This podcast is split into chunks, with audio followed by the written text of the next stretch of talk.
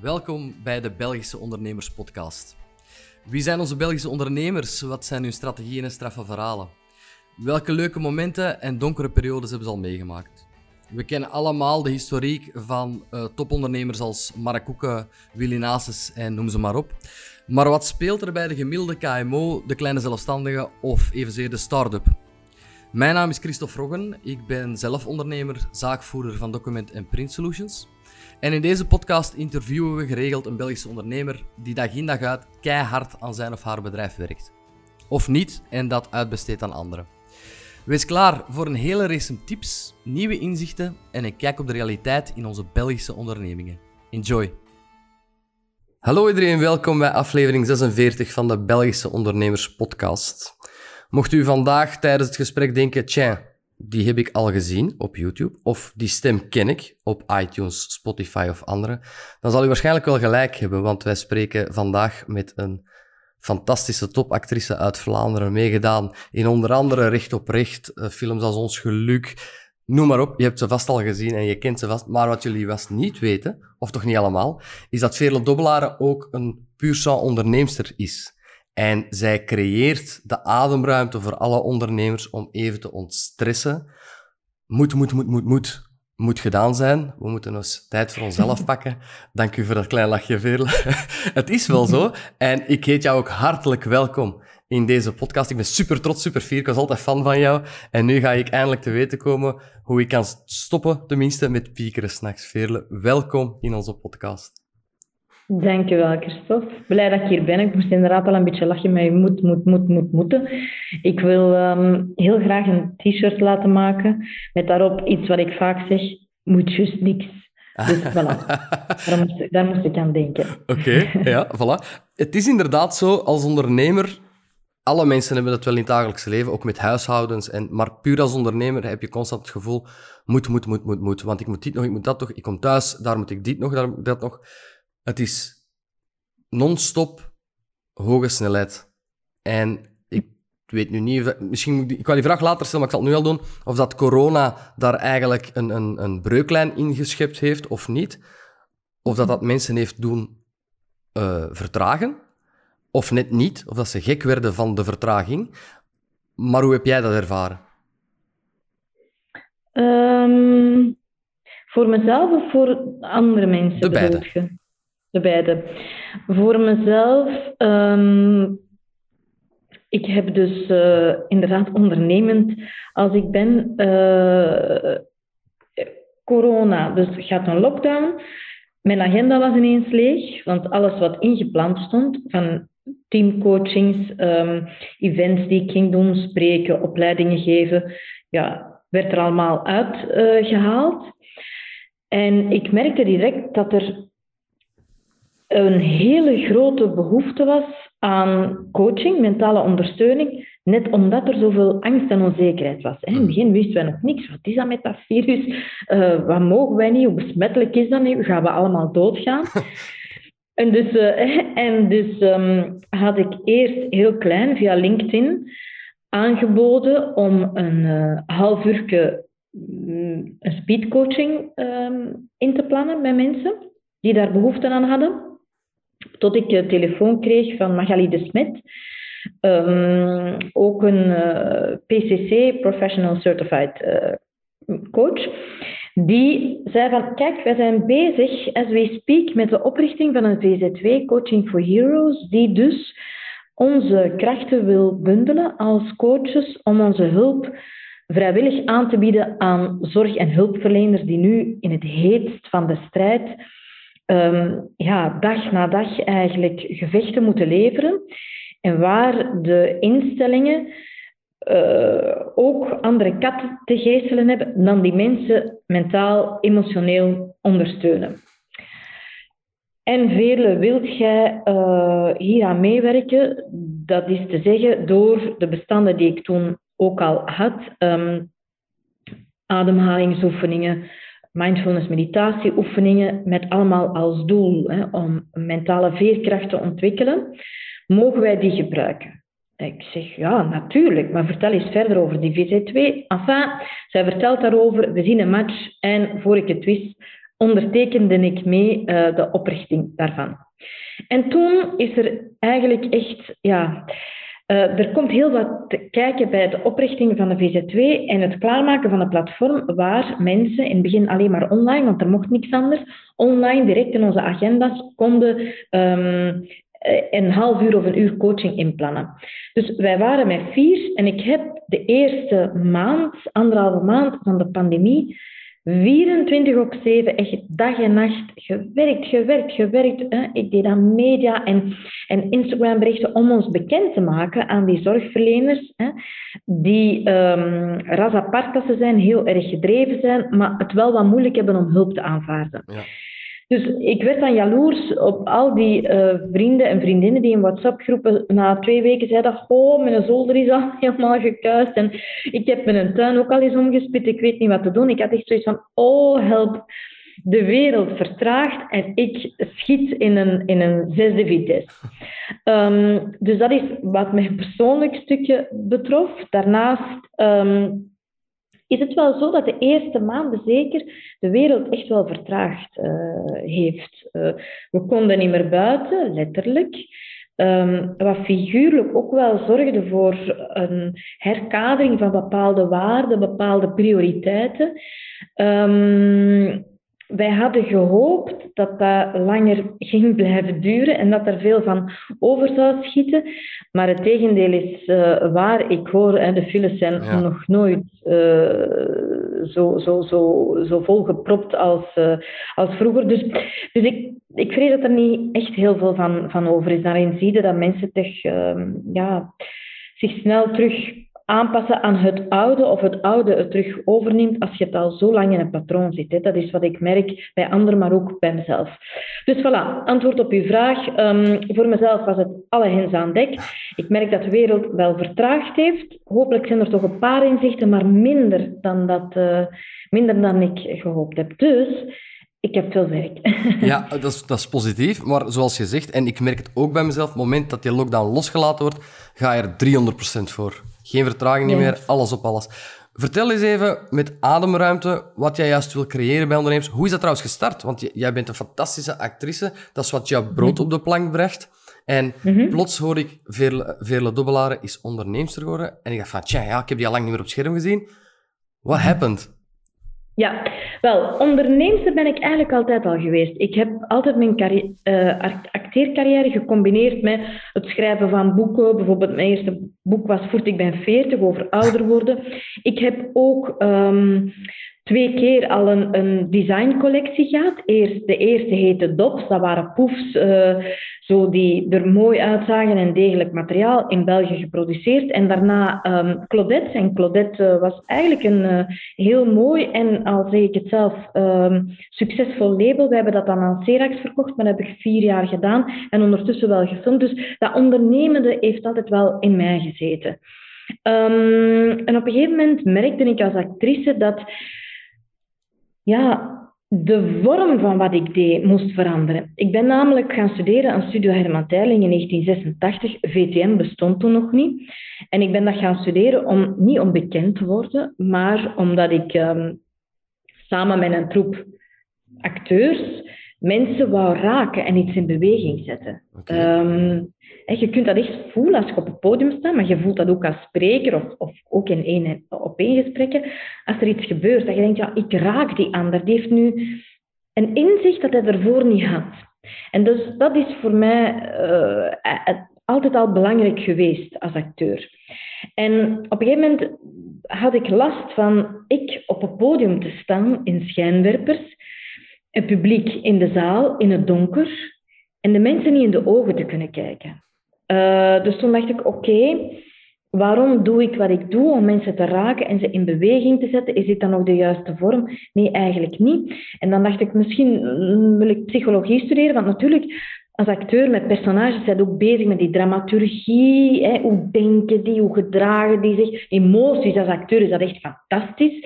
En ik merkte sowieso al dat er heel veel mensen naar mij kwamen om raad te vragen, hè? om hun, hun uh, hart te luchten.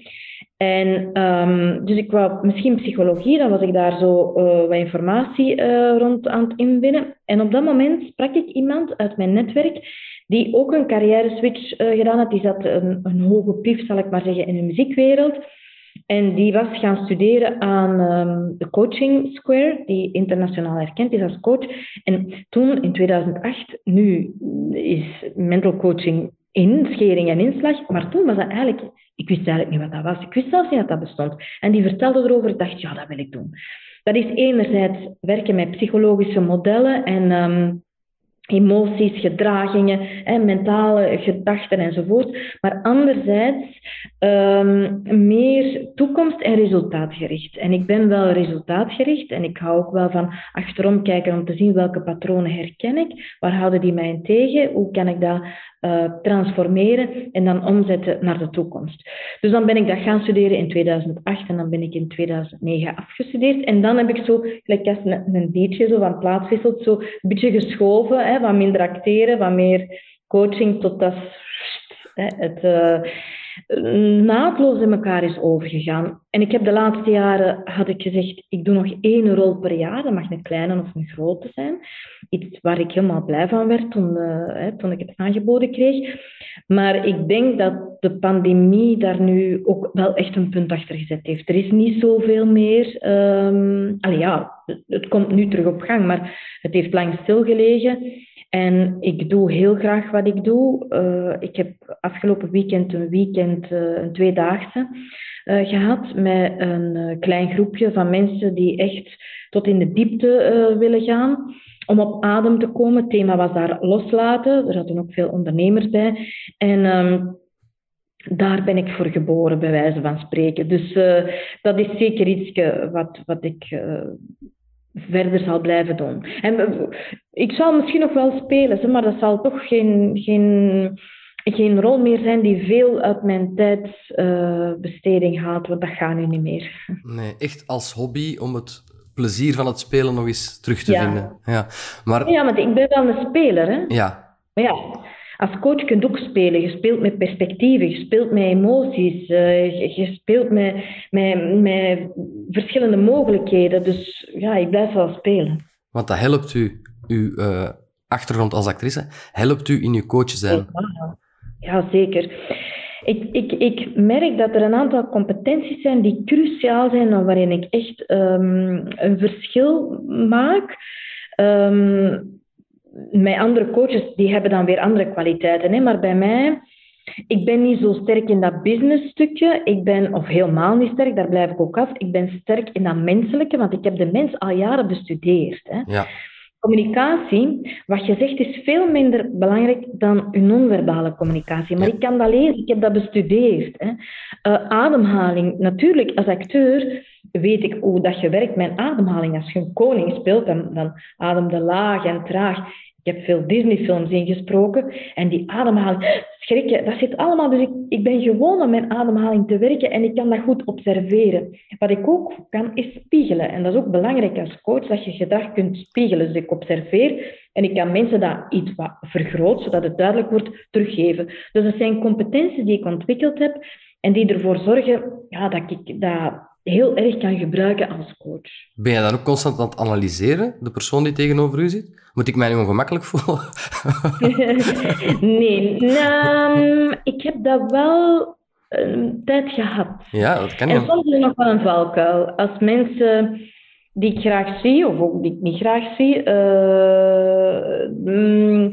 bij mij komen met hun problemen, dan uh, moet ik mij inhouden om niet te coachen. Het is zo dat je als coach altijd toestemming moet vragen. Hè? Mag ik je coachen?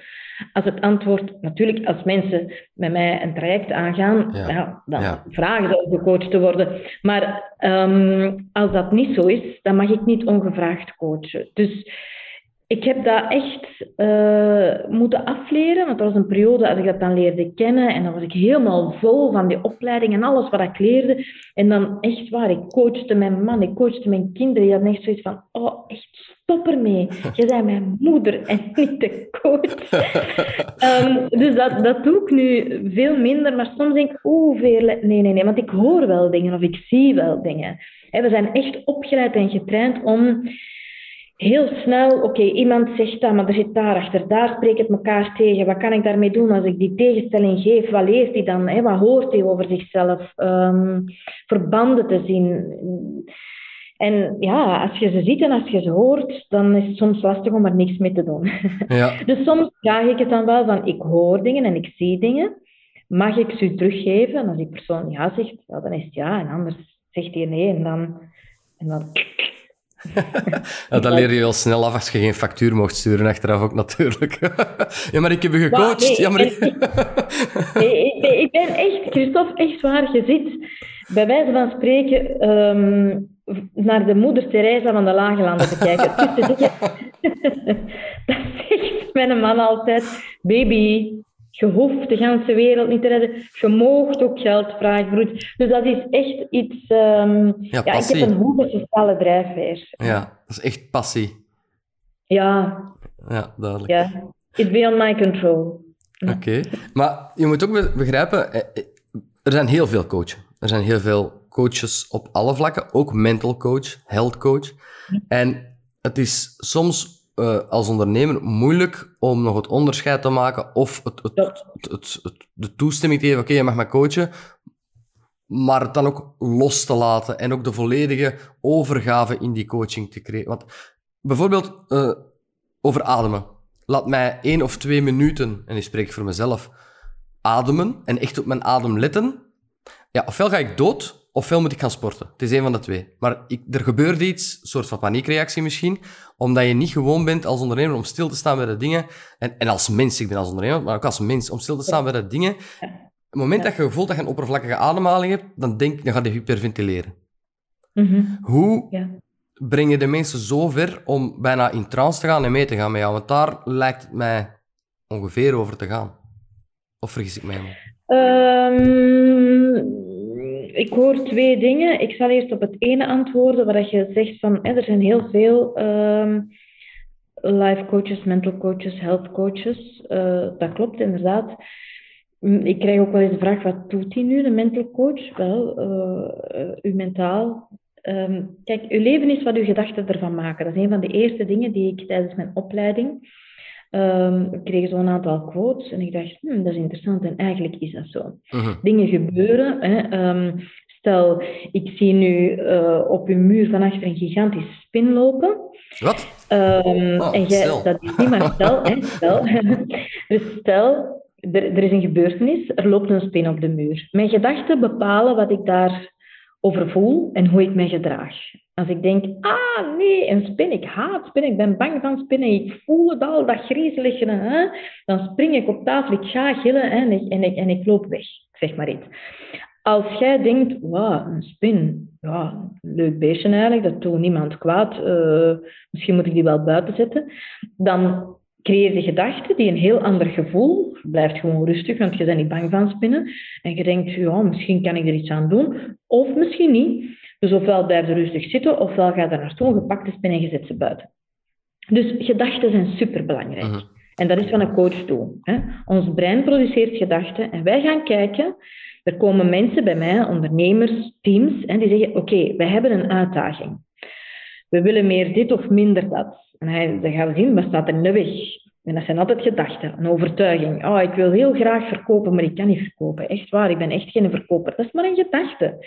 Dus het is aan mij of aan ons om die gedachte te challengen. Is ze beperkend of vermogend? En als ze beperkend is en je hebt ze nodig om de dingen te realiseren die je wilt realiseren, dan zorgen wij dat jij, ik kan dat niet doen in uw plaats, maar dan help ik u om er een vermogen van te maken, zodat je eigenlijk van die neerwaartse spiraal, waar je je nog kleiner voelt en onzekerder voelt en denkt, oh nee, ik kan dat helemaal niet verkopen, dat je daar een stop maakt en de stappen zet die nodig zijn om in een opwaartse spiraal, ah, ik kan toch dit, ah, ik kan verbinding maken, ah, ik kan dit, ah, my, hup, hup, hup, en voordat je het weet, zijn een verkoper.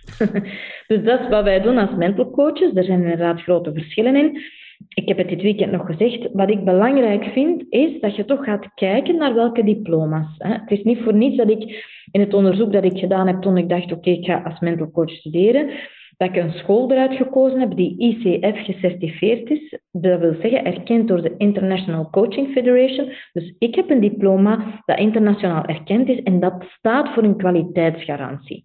Nu, dat is gelijk als acteur. Hè. Uh, er zijn hele goede acteurs die niet naar school geweest zijn en er zijn acteurs die naar school geweest zijn en niet zo goed zijn, maar het is toch een kwaliteitslabel. Dus daar zou ik zeker als ondernemer, zeker binnen de bedrijfscontext, um, op letten. Het is nog iets anders. Je hebt burn-out coaches, je hebt loopbaancoaches. Dat is nog iets anders dan die PCC en mental uh, coaches. Dat is. Twee, ademruimte. Waarom heb ik de Ademruimte Academie opgericht? Omdat ik, ik ben en blijf een speler. Ik heb iets met taal en ik vind ademruimte een mooi woord. Volgens Van Dalen betekent dat een moment van rust en ontspanning nemen om na te denken over het vervolg. Dus wat je daar straks zelf zei, dat hebben we nodig. We zitten allemaal in een red race. Onze maatschappij vraagt enorm veel van ons op ieder vlak. Hè. Professioneel willen we ons ontwikkelen, realiseren en succesvol zijn. We willen dan ook nog eens onszelf persoonlijk ontwikkelen, realiseren. We willen nog de juiste voeding eten. We willen nog sport doen. We willen ook een geweldige uh, sociale uh, um, uh, stuk hebben aan ons leven. We willen de wereld verkennen. Er is zoveel dat we willen. Mhm. En dus dat zorgt ervoor dat wij in een red race zitten. Als je daar niet geregeld uitstapt, voordat je het weet, zijn aan het einde van je leven, als je er al geraakt zonder uh, een burn-out of uit te vallen. En dan denk je, oh my god, ik heb hard gelopen, maar waarom en waar naartoe eigenlijk? En dus dat is wat ik um, mensen, en of dat die mens nu een CEO is, een medewerker, een gepensioneerde of, of, of, of whatever, um, ik wil ze helpen met er geregeld uit te stappen, te vertragen. Zonder vertraging zie je niks. Als je vertraagt bij wijze van spreken, in plaats van met je Porsche heel snel van A naar B te gaan, als je op je trottinet stapt, dan zie je de putten in de weg. Oei, pas op, hier moet ik langs. Maar je ziet ook, oeh, dat is een prachtige bloem. Die hadden anders niet gezien. Dus ik help mensen vertragen om ze te helpen verbinden met zichzelf. Wat wil ik nu eigenlijk echt? Waarom doe ik wat ik doe? Wat is mijn missie? Wat zijn mijn waarden? Want heel veel mensen die ik ontmoet, die doen dingen en die doen dat omdat ze denken dat ze moeten, omdat ze dat moeten van thuis, omdat dat meegegeven is vanuit een opvoeding, maar dat past niet bij hen. Maar als je het leven leidt dat niet bij je past, dat is heel, heel, heel vermoeiend. Mhm. Ehm, dus dat is wat ademruimte voor mij betekent. En ik heb een aantal middelen om mensen ademruimte te geven. En een van de middelen is beginnen met het begin, ademen. Uh, ademhaling is eigenlijk de brug tussen ons brein en ons lichaam. Dus als je veel stress hebt, dan helpt je ademhaling om die stress te managen. Maar dan komen we daarna naar het stukje mental coaching. Je kunt niet werken met gedachten. Je kunt niet werken met logica. Um, als die prefrontale cortex, het stukje vooraan in ons brein, niet actief is. En als je te veel stress hebt, dan is het niet actief. Dus vandaar dat die ademhaling helpt om eerst ons, ons, ons systeem een beetje te vertragen, waar rust te brengen, zodat je helderder kunt nadenken. ik geef altijd lange antwoorden. Nee, nee, perfect, perfect. Het is ook heel interessant. Laat u volledig gaan. Het, je, haalt, je haalt de mensen ook volledig uit hun habitat, uit hun normale leefwereld dan. Mhm. Je neemt ze mee naar een plaats waar ze kunnen vertragen, al is het mentaal. Ja. Je zei daarnet van, hè, mensen willen goed doen, willen dit, maar de maatschappij verwacht ook wel tegenwoordig. En dat is het probleem. Er komt een mail binnen dat je binnen de halve dag antwoordt. Of je krijgt de dag daarna een mail van heb je dit gezien? Dat je je telefoon oppakt of tenminste terugbelt. En de, de maatschappij is zo gecreëerd dat het gewoon snel moet gaan. En ik denk dat dat ook een heel groot probleem is. Ja. Dat is ook weer uh, een overtuiging. Hè? En ik heb ook overtuigingen. Hè? Ja, dat is een overtuiging dat, dat mensen dat verwachten van u. En dat is natuurlijk een stukje zo.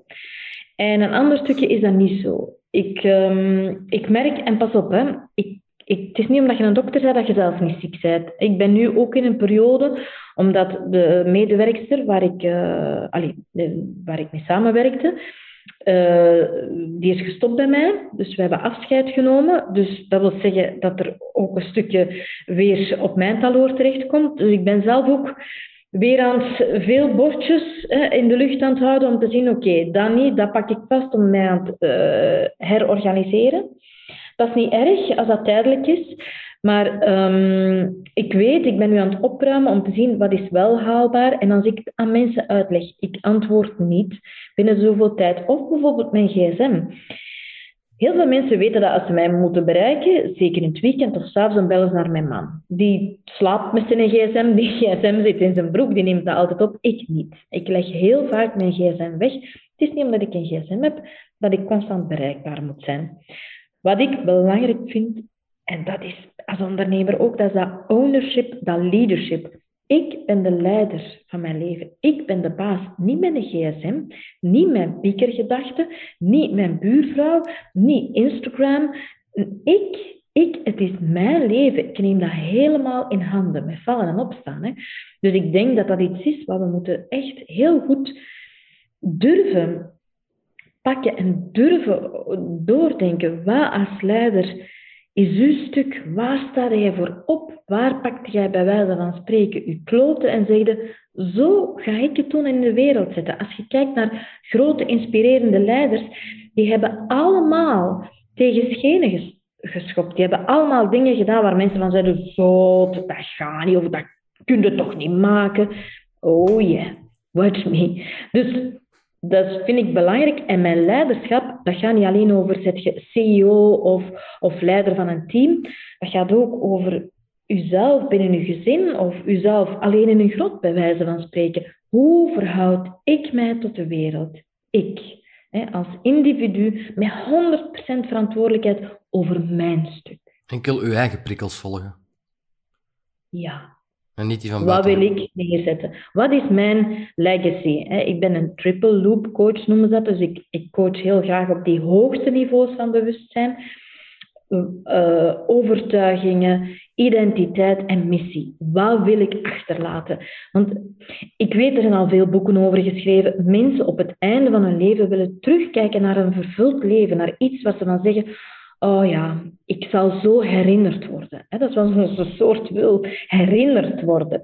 En daarom schrijven mensen boeken of bouwen gebouwen, whatever. ik zeg dat je boeken moet schrijven of gebouwen bouwen, maar wat wilt jij doorgeven? Wat wilt jij dat mensen associëren met je, uw familie, uw vrienden, uw kinderen, als je er niet meer bent? Uh, hij leerde zijn volk lezen.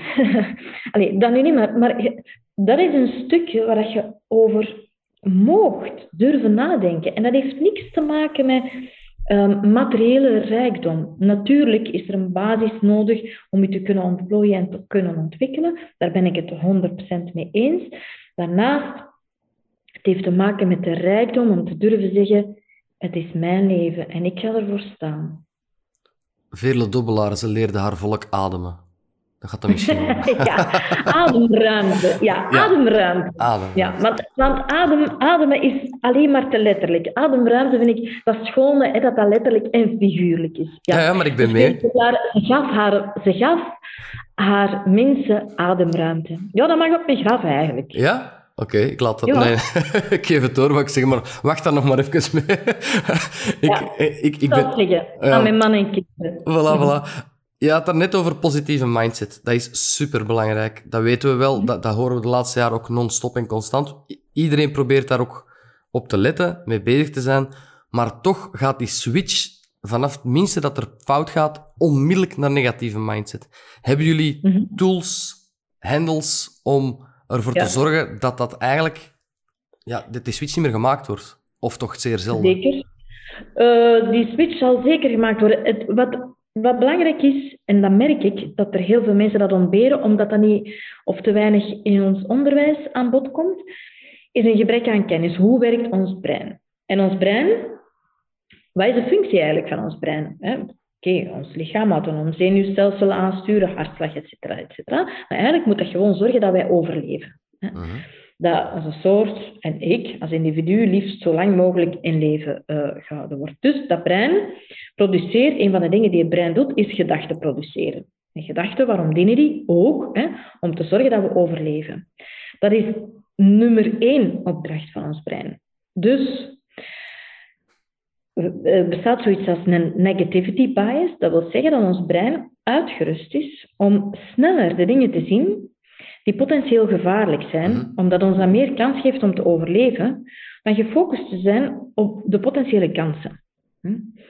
Ehm, als ik in de verte iets zie dat beweegt, ik ben aan het wandelen in een bos en ik zie in de verte iets dat beweegt, dan is mijn brein uh, van nature geprogrammeerd om te denken, oeh, ik weet niet zeker wat dat, dat is, maar ik zal maar het zekere voor het onzekere nemen en een toerke omdoen. Meer dan Optie 2, mijn brein dat geprogrammeerd is, ik weet niet zeker wat het is, maar hey, ik wandel er gewoon vlotjes naartoe en als er een gifslang is, dan zal ik dat wel zien als ze mij bijt. Dat is niet de beste strategie om te overtuigen. Dus voilà, dus dat wil zorgen dat wij geprogrammeerd zijn, dat wil zeggen dat we geprogrammeerd zijn om eerder negatief te denken. Als je dat weet, dan kun je merken, want alles gaat over bewustzijnsontwikkeling. Je hebt kennis nodig om je dan bewust te worden van, ah, ik produceer een negatieve gedachte. Dat is niet de waarheid, dat is gewoon een negatieve gedachte. Dank u wel, lief brein, om mij te willen waarschuwen voor mogelijk gevaar. Um, ik neem het van hier over. En als jij dan terug weer de leiding overneemt over je brein en naar die gedachte kijkt, dan kun je zeggen, is dat nu, is dat nu echt gevaarlijk of, of niet? Hè? En als het niet echt gevaarlijk is, dan kies je, oké, wat ga ik er dan mee doen, ja of nee? Dus positieve mindset heeft niks te maken met op zijn Amerikaans happy, shiny en hè, we kijken niet naar de moeilijkheden. Nee, nee, alles is love you man en peace. Nee, het heeft te maken met oké, wat is er? Hè, wat zijn de gebeurtenissen? Het bewustzijn van wat denk ik daarover? Zijn die gedachten waar? Is dat wat ik wil? Of uh, kan, ik, kan ik dat negatieve waarvoor ik geprogrammeerd ben, hier zeggen van merci en ik zet er iets positiefs tegenover. En dat vraagt eigenlijk een constante training. Wij associëren ons te veel met onze gedachten. Wij denken mhm. dat we onze gedachten zijn. En dat is dus ja, wat ik ook doe met die ademruimte, is wat afstand creëren tussen uw gedachten en uzelf. En dan leer je zien, oké, dat is gewoon maar een product van mijn brein. Gelijk als dat uh, slijm een product is van mijn slijmvliezen. En ik neem mijn slijm ook niet au serieus, hè? maar we doen dat wel met ons gedachten. Dus um, dat is voor mij positiviteit, is kennis vergaren om jezelf te kunnen observeren en te kiezen wat doe ik ermee. Super herkenbaar. Zonder je trainingen te willen weggeven, heb je een, een simpel tip of trucje op het moment dat iemand voelt dat hij negatief of zij negatief begint te denken. Een, een, een, ik heb ooit al gehoord met een elastiekje tegen je pols, maar, maar is er iets dat jij gebruikt waar jij zegt van, terug positief? Of gaat dat echt over de volledige uh, sessie? Zeg maar? Wel, um, terug positief hangt er dus vanaf. Hè. Is het gevaar reëel? Ja, dan kunnen we maar beter uw voorzorgen nemen. Um, uh, ik, ben daar nu toevallig, want dat gaat over piekeren. Hè. Uh, ik ben daar nu toevallig nu een, een, cursus rond aan het ontwikkelen. Voor mij, dat is een goede truc, hè, dat elastiekje. Maar dat is pas een truc in latere instantie. Het eerste is opmerken. Ah, wacht, ik doe het weer. Hè. Okay. Want als je het niet opmerkt, je kent dat wel, hè, er is een gedachte die komt die pakt u bij wijze van spreken vast. En voordat je het weet, zit je kwartier maar... Ja, maar en die en die zal wel dat zeggen. Als ik er nu naartoe ga, dan gaat dat gebeuren. En ik weet het al zo, dat is het antwoord dat ik krijg. en dus het, het moment... Je moet zorgen dat je um, zoveel traint eigenlijk naar je eigen gedachten, dat je dat sneller door hebt en zegt, oh, wacht eens even, wacht eens even. Hè. Stop. Wat is er hier aan de hand? Dus het leren herkennen is voor mij eigenlijk echt nummer één. Wat is ook een belangrijke? Je ademhaling daarin gebruiken. En wat helpt ook? Als je voelt dat je in negatieve gedachtegang zit, waar je eigenlijk niet tot een oplossing komt, um, heel even onze zintuigen zijn fantastisch. Dat is ook niet voor niks dat we die hebben. Dat zijn prachtige instrumenten en we gebruiken ze te weinig. Ik kan niet tegelijkertijd ruiken aan um, mijn lievelingsparfum en piekeren.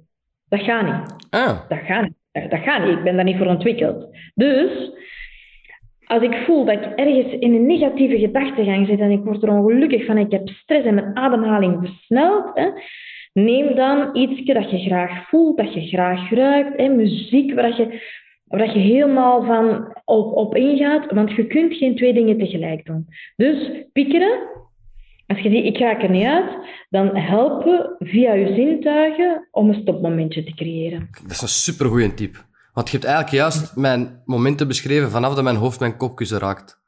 Dan begin, dan begin je twee, drie uur lang gepieker en je begint bij iets heel klein en je eindigt, ik weet niet, ergens op safari met een leeuw achter u.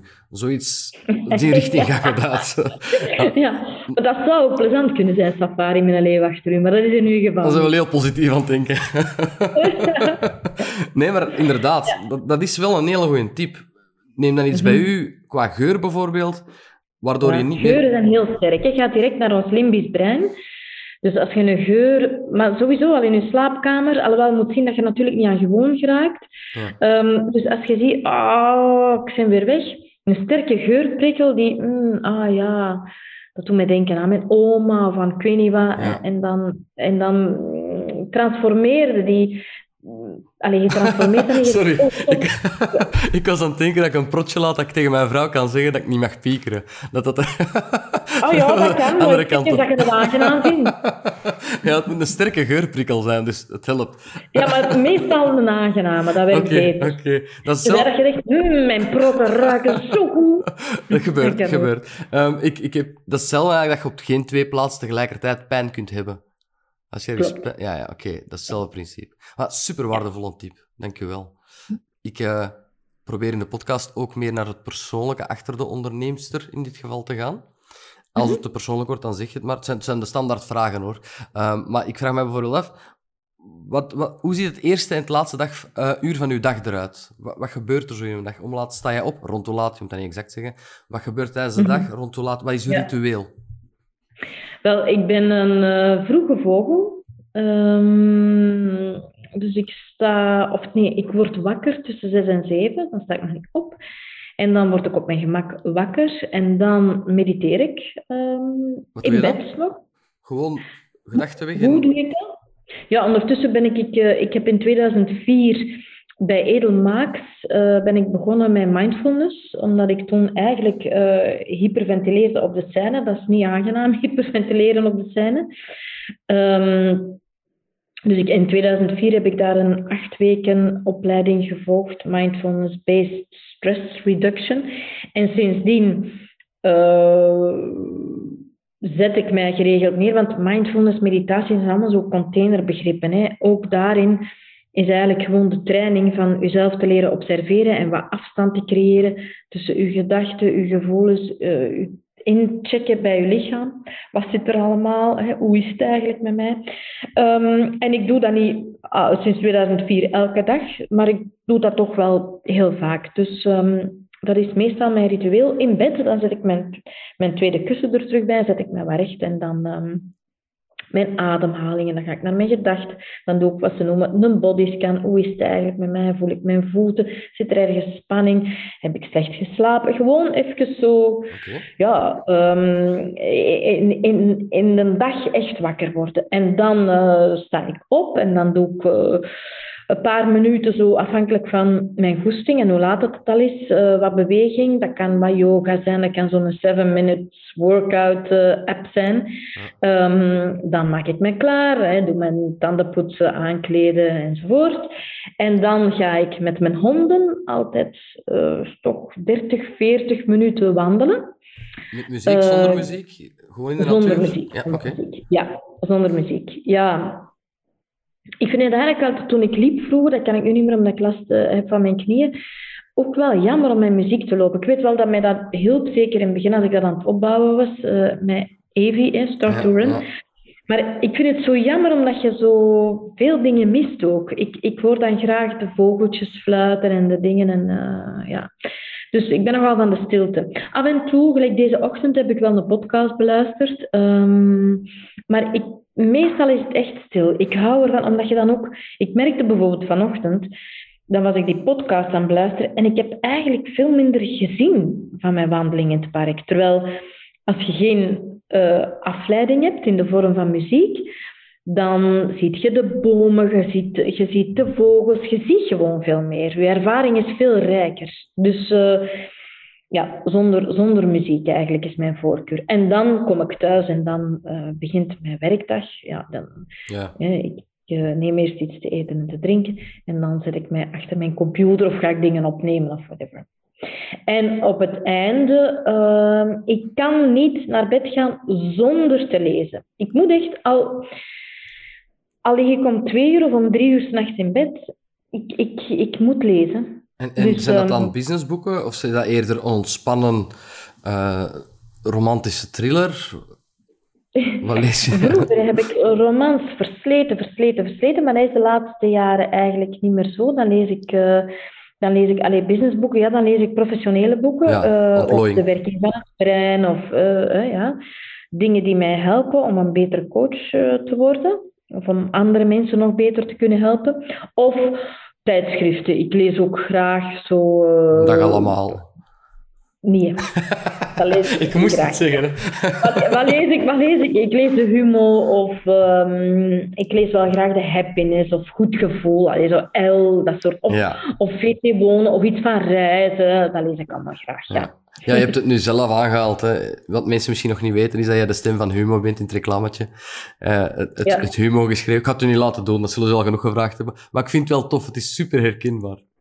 Dus, uh, Ah ja, de, Ja. de meeste mensen herkennen dat niet. nee, oh, van, jij direct. Nee, helemaal niet. ja. Ja, omdat je weet dat ik het ben. Omdat ik een fan Maar ben, dat hè. jij dat- Veerle, omdat ik een fan ben. Ja, maar zeker zo. Maar dat je... Maar eh, j- jij herkende direct mijn stem. Ja. In dat... Ik heb dat van in het begin gehoord, ja. ja. Enfin, Ah, nee. ik was niet 100% zeker, maar ik had een vermoeden. En later ben ik het te weten gekomen dat het effectief was. Ja, klopt. Ja, ja, ja. Ja. Ja, ja. Ja, dat haalt niet iedereen eruit. Hè? Nee. Eh, ja, ik heb dat ook. Ik heb ook ehm, in die studio, want ik was eigenlijk daar voor een andere stemopname. En toen zei ze, ah ja, we hebben voor humor nog iets nodig. Kun jij zo een paar keer humor roepen? Ik heb echt 50 keer humor, humor, humor, humor, humor, humor, humor, humor. humor. En dan, oké, okay, hoorde ik niks. En ineens hoorde ik het op draaien. Hum, en ik dacht, ah ja, dat is de mijne. Ja, dus voilà. dat is redelijk expressief. nou, wel. Ja. Oké, ja. en dan heb je gelezen en dan val je in slaap. Of doe je nog iets van ademhalingen of zo dan? Nee, dan heb ik gelezen en dan val ik in slaap. Sowieso. Geen gepieker, boek of magazine Nee. weg en we zijn vertrokken. Ja, het gepieker komt soms s'nachts. Wakker worden. Wel, ik, ik, ik, meestal word ik wakker omdat ik eens naar het toilet moet. Ja. En afhankelijk van... ehm, het, het is in periodes. Meestal slaap ik gewoon terug in. Maar soms...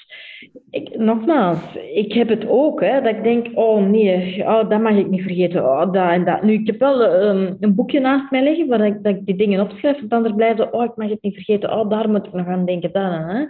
Dus dan eh, schrijf ik het gewoon allemaal op en dan denk ik, oké, bon, goed, hè, het ligt er, we kunnen er morgen iets mee doen. En dan val ik terug in slaap. Dus dat vind ik wel een... een, allee, dat heb ik geleerd.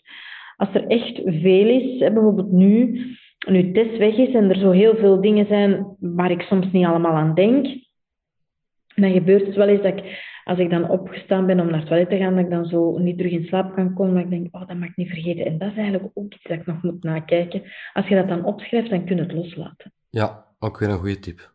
Ik heb het ook eh, naast mijn bed liggen. Klopt. Zeg, Ja? ja, ja, absoluut. Want anders blijf ik maar malen en dan blijft er maar bij komen in je hoofd. Dan val je niet meer in slaap. Nu, er zijn ook hele goede ademhalingsoefeningen hè, voor als je s'nachts... Krijg je daar stress van? Waarom krijg je daar stress van? Omdat, inderdaad, wat je zegt, je ademt nu onbewust. Hè? En vanaf dat je je bewustzijn daarop richt, hè, dat is eigenlijk een soort pilamp. Je aandacht is een pilamp. Oké, ineens schijnt je met aandacht op je ademhaling. En door daarop te schijnen, zie je dat gewoon, oei, oei, wacht, hoe adem ik eigenlijk? Oei, en ze zeggen met een buik, en ik kan niet met een buik. En dat geeft je stress. En wat gebeurt er onder stress? Adem je nog hoger, maar je zit er met die pilamp op te schijnen. Miljard, nu adem ik nog hoger. En ze moest, ik moest vanuit mijn buik, up, nog meer stress, up, nog hoger. Dus voilà, dat is een beetje een neerwaartse spiraal. Dus, ik zou zeggen, ehm, blijf het toch maar doen, met de pilamp erop schijnen, maar wees wel, of en, heel mild. Weet, ik zeg graag, trust the process, en dat is ook zo. Ehm, in het begin is het allemaal moeilijk en griezelig en spannend en voelde pas wat je allemaal niet kunt of zie je, oh, dat kan ik niet, dat kan ik niet. Maar kijk, ehm, uw ademhaling heeft u toch tot op de van, dag van vandaag goed gediend en was meer dan goed genoeg. Anders zou je hier niet zitten en niet met mij spreken. Zo slecht zal het wel niet zijn. Vertrouw daarop, één. En twee, doe het zachtjes aan. Zachtjes, zachtjes oefeningen doen. Als mensen zeggen van, oké, maar ik raak niet tot in mijn buik, dan zeg ik, waar geraakt dat dan wel? Ja, tot, eh, tot onderaan, hier. Hè. Ah, wel, dan is dat waar je nu ademt. Dus mm, je ademhaling is eigenlijk een goede vriend. Je moet er niet kwaad op zijn. Ja. Ook als die vriend even een off-day heeft. Hè. Dus eh, kijk naar uw ademhaling als goede vriend. En hoe dat die ook binnenkomt, goed gezind, slecht gezind, droog, nat, met vuil, schone of niet. We- Heet hem welkom. Je bent wel van de beeldspraak, hè? Absoluut. Ja, Dus- ik hou van metaforen. Dat Ja. maakt het ook heel tastbaar en, en begrijpbaar. Klopt. Dus dank u wel, dat is heel goed. Je sprak daarnet van een, een vent- eh, hyperventilatieaanval op podium zelfs. Klopt. Tijdens een, een theaterstuk aan het spelen was. Ging dat dan Mhm. eh uitte zich dat in gewoon snel ademen? Of echt heel je lichaam dat in paniek ging? Zonder dat je, dat je eigenlijk niet goed beseft wat is er aan het gebeuren. Je precies... Enfin, het is een paniekaanval. Ehm, Ik, wacht, Ja. wacht even. Wacht, ik, ik stel de vraag omdat een aantal jaar geleden, als ik als ondernemer begon en ik moest voor een publiek spreken, ik, het is zo herkenbaar. Ik kreeg exact hetzelfde en ik dacht dat ik ging sterven. Letterlijk. Ik dacht dat ik een hartaanval kreeg. Ik denk dat er nog heel veel luisteraars met dat probleem zijn. Mhm. Ja, ik geef, eh, ik geef een opleiding inspirerend spreken. Ehm, Voilà. oh, en, en, en, ik kan het, en, ik, en ik kan het goed begrijpen, omdat ik het inderdaad zelf meegemaakt heb. Ehm, ik was een stuk aan het spelen, een monoloog. Nu, ik ben acteur geworden, waar ik zei om samen met acteurs iets, eh, een verhaal te vertellen aan, aan, aan mensen in de zaal. Dus dat alleen, dat was eigenlijk niks voor mij. Ik wist dat wel, maar bon, ja. Ik had ja gezegd. En dus ehm, dat kwam heel bedreigend over, omdat ik geen verbinding kon maken. Hè? Want je zit dan in dat zwart gat te kijken, vanop, vanop dat podium waar je eh, ja, verblind wordt door de spotlight. En voor mij is verbinding belangrijk. En dus mijn gedachten gingen mij daar echt eh, aan de haal. En die hadden zoiets van, oei, pas op, slangen en beren in het bos. Ja. En ik kreeg dat niet geregeld. Ehm, en dat uitte zich inderdaad in, in, in, in, in het gevoel van pure paniek. Ja. Er stond al een technieker in de coulissen, want ik dacht, ik ga flauw vallen, dan moet jij er zijn. Nu, het dubbele was dat... Dat was een monoloog over een... eh, dat was een vrouw die vertelde dat toen ze jonger was, ze wou eigenlijk marinebioloog worden. En eh, op een dag was ze met haar school een uitstap eh, had ze gedaan naar eh, de zoo, waar een gigantisch aquarium was. Waar hij naar stond te kijken, naar de, de, de, de roggen, denk ik, hè, zo die grote, ja, die platvissen. En ze stond daar naar te kijken en droomde van haar carrière als eh, marinebioloog. En de leerkracht biologie kwam achter haar, plakte haar tegen het raam en verkrachtte haar.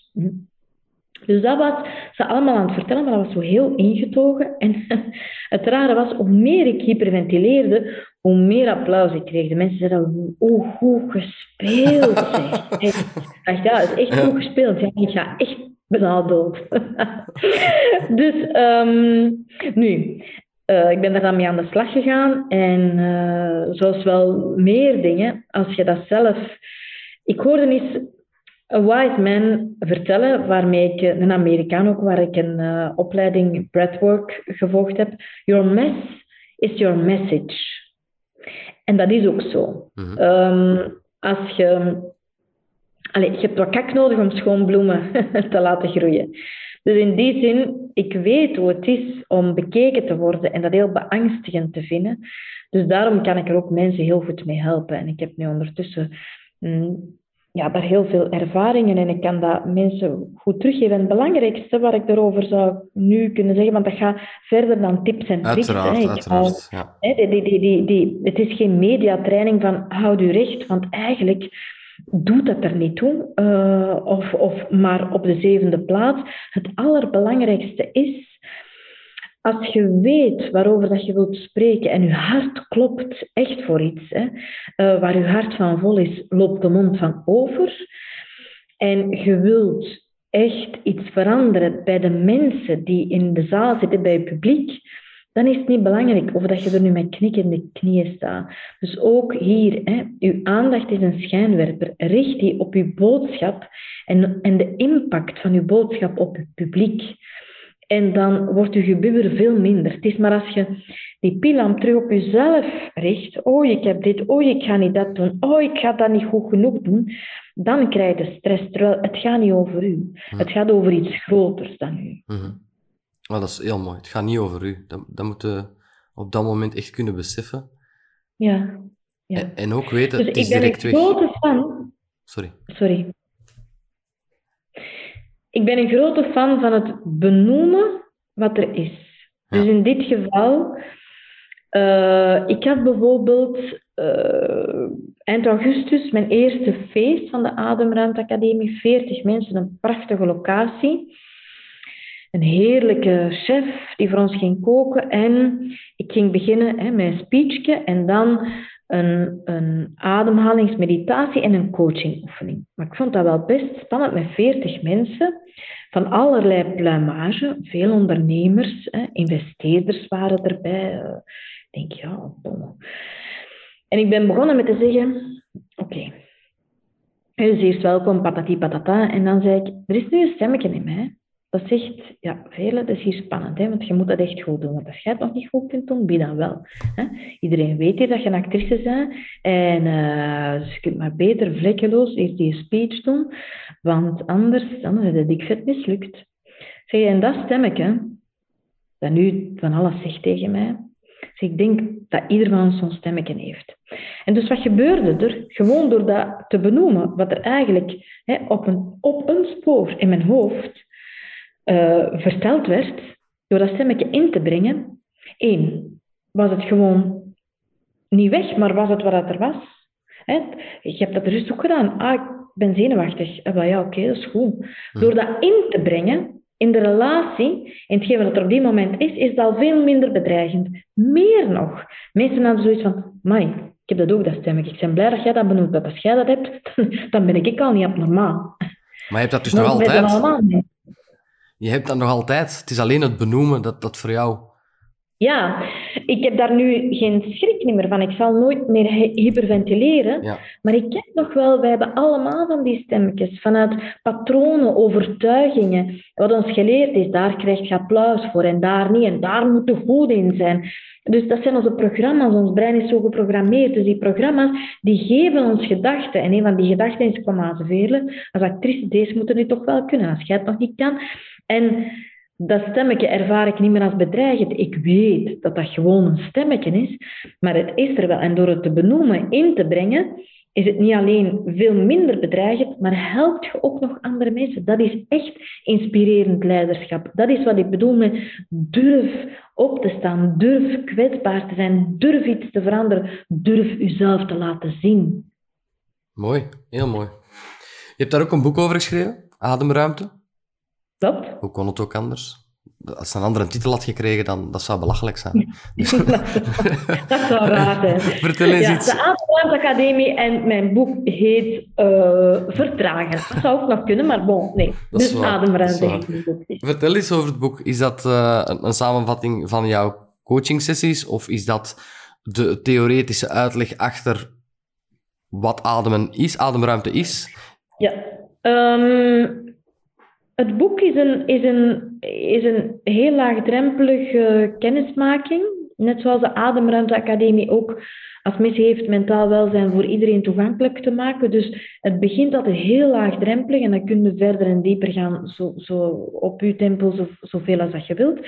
Maar het boek is ook de mix van waar ik van hou, dat ervaringsgericht leren. Dus in het boek zit zowel theorie, dat is belangrijk. Je hebt kennis nodig om te begrijpen waarom zou ik eigenlijk ademen? Hè? Of waarom zou ik die oefening doen?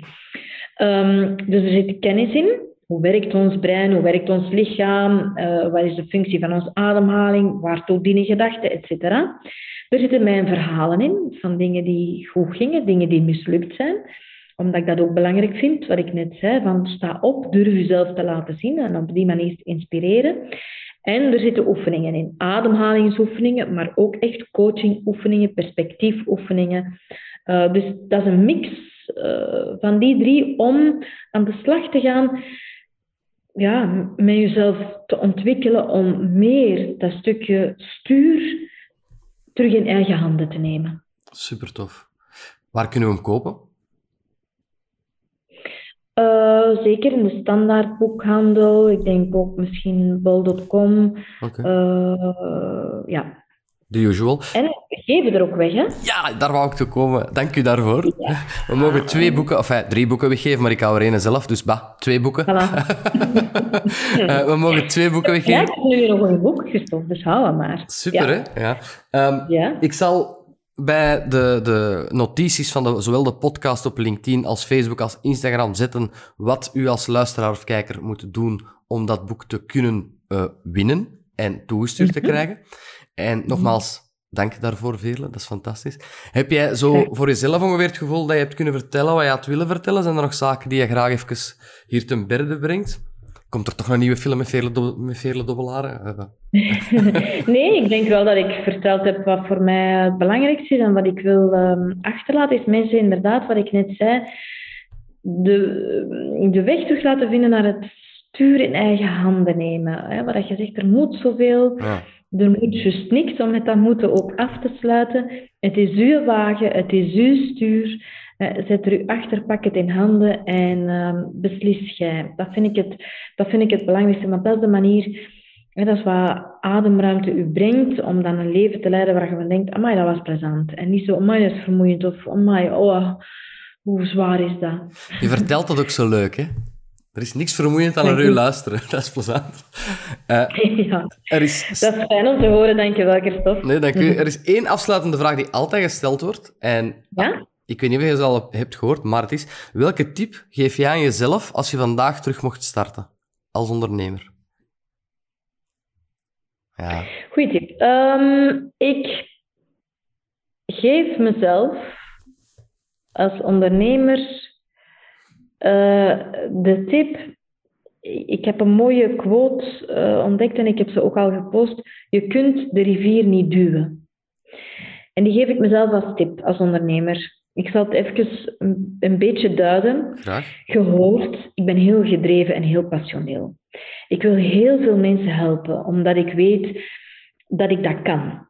Daarnaast, het is niet omdat ik kan helpen dat jij geholpen wilt worden. En als ondernemer is dat iets waar ik vroeger alerter en attenter had voor mogen zijn. Wat is de match van wat ik goed kan en graag doe naar de markt toe. Wat heb jij nodig? Waar ben jij al klaar voor?